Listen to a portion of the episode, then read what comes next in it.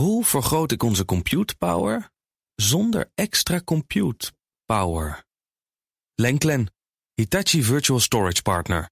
Lenklen, betrokken expertise, gedreven innovaties. Tech Update.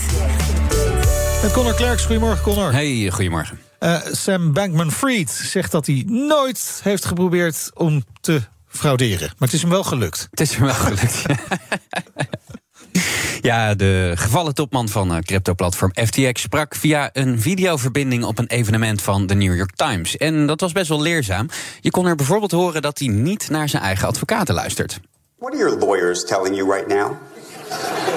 Are, are they suggesting this is a good idea for you to be speaking? Uh, no, they are very much not. Um, uh, and uh, I mean, you know, the classic advice phrase: "Don't say anything Weet je zeker dat het geen cabaret was, dit? Nee, het was geen cabaret. Maar uh, ik kan me wel voorstellen dat zijn advocaten zeggen... Uh, praat maar niet met de New York Times... want je bent miljarden van andermans ja. geld kwijt. Desalniettemin, hij was er. En uh, hij zei in het gesprek dat hij dus nooit expres fraude heeft gepleegd. Reuters schrijft daarover over vanmorgen. Hij denkt zelfs dat hij persoonlijk niet eens juridisch aansprakelijk is... voor oh. het verlies van al dat geld.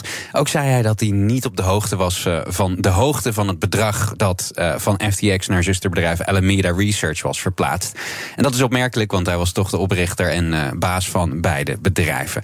En FTX kwam in de problemen nadat uitlekte dat SBF zo'n uh, 10 miljard dollar aan cryptovaluta van klanten naar Alameda had overgeheveld. Hè. Toen ontstond een soort bankrun. Ja. Zeker een miljard daarvan is uh, sowieso nog spoorloos. En FTX wordt door verschillende Amerikaanse en internationale overheden nu onderzocht. Ik ben benieuwd of zij ook denken dat hij niet juridisch aansprakelijk is. Nee.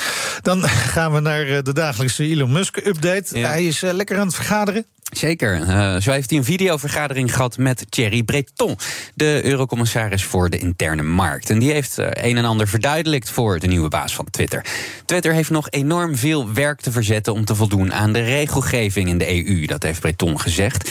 Onder meer op uh, de contentmoderatietak. Daar moet van Europa de vrijheid van meningsuiting worden beschermd, maar ook de verspreiding van desinformatie tegengegaan. en dat is een taaie kluif voor de restant van het personeel op die afdelingen.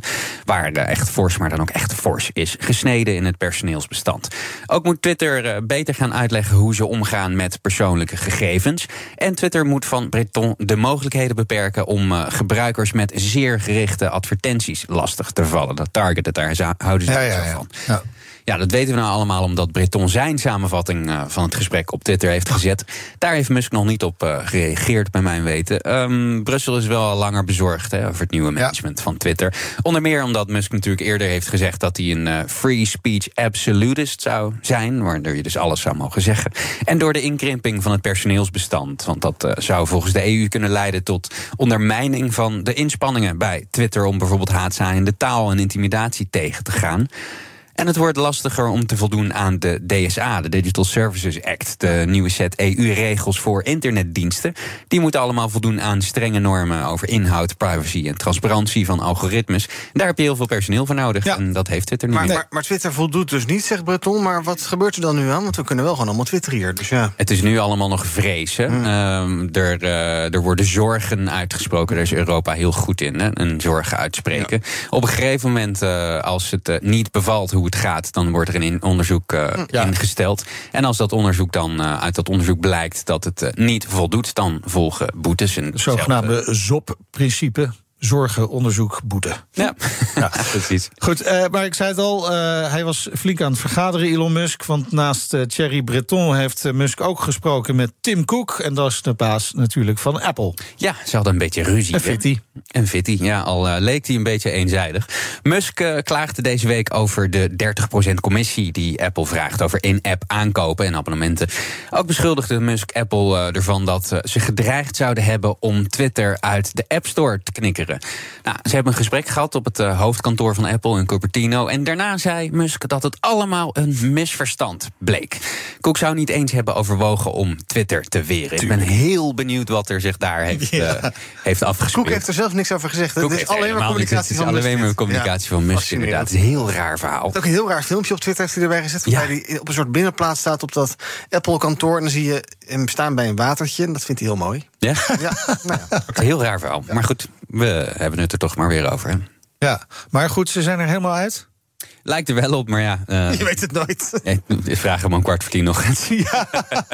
Hij verwacht op de eerste tweet van uh, Elon Musk. Uh, ja, precies. En uh, Cook heeft nog niks van zich laten horen. Nee, dat zal ik wel blijven, denk ik. Goed, dankjewel, Connor Klerks. De BNR Tech Update wordt mede mogelijk gemaakt door Lenklen. Lenklen. Betrokken expertise, gedreven resultaat. Hoe vergroot ik onze compute power zonder extra compute power? Lenklen. Hitachi Virtual Storage Partner.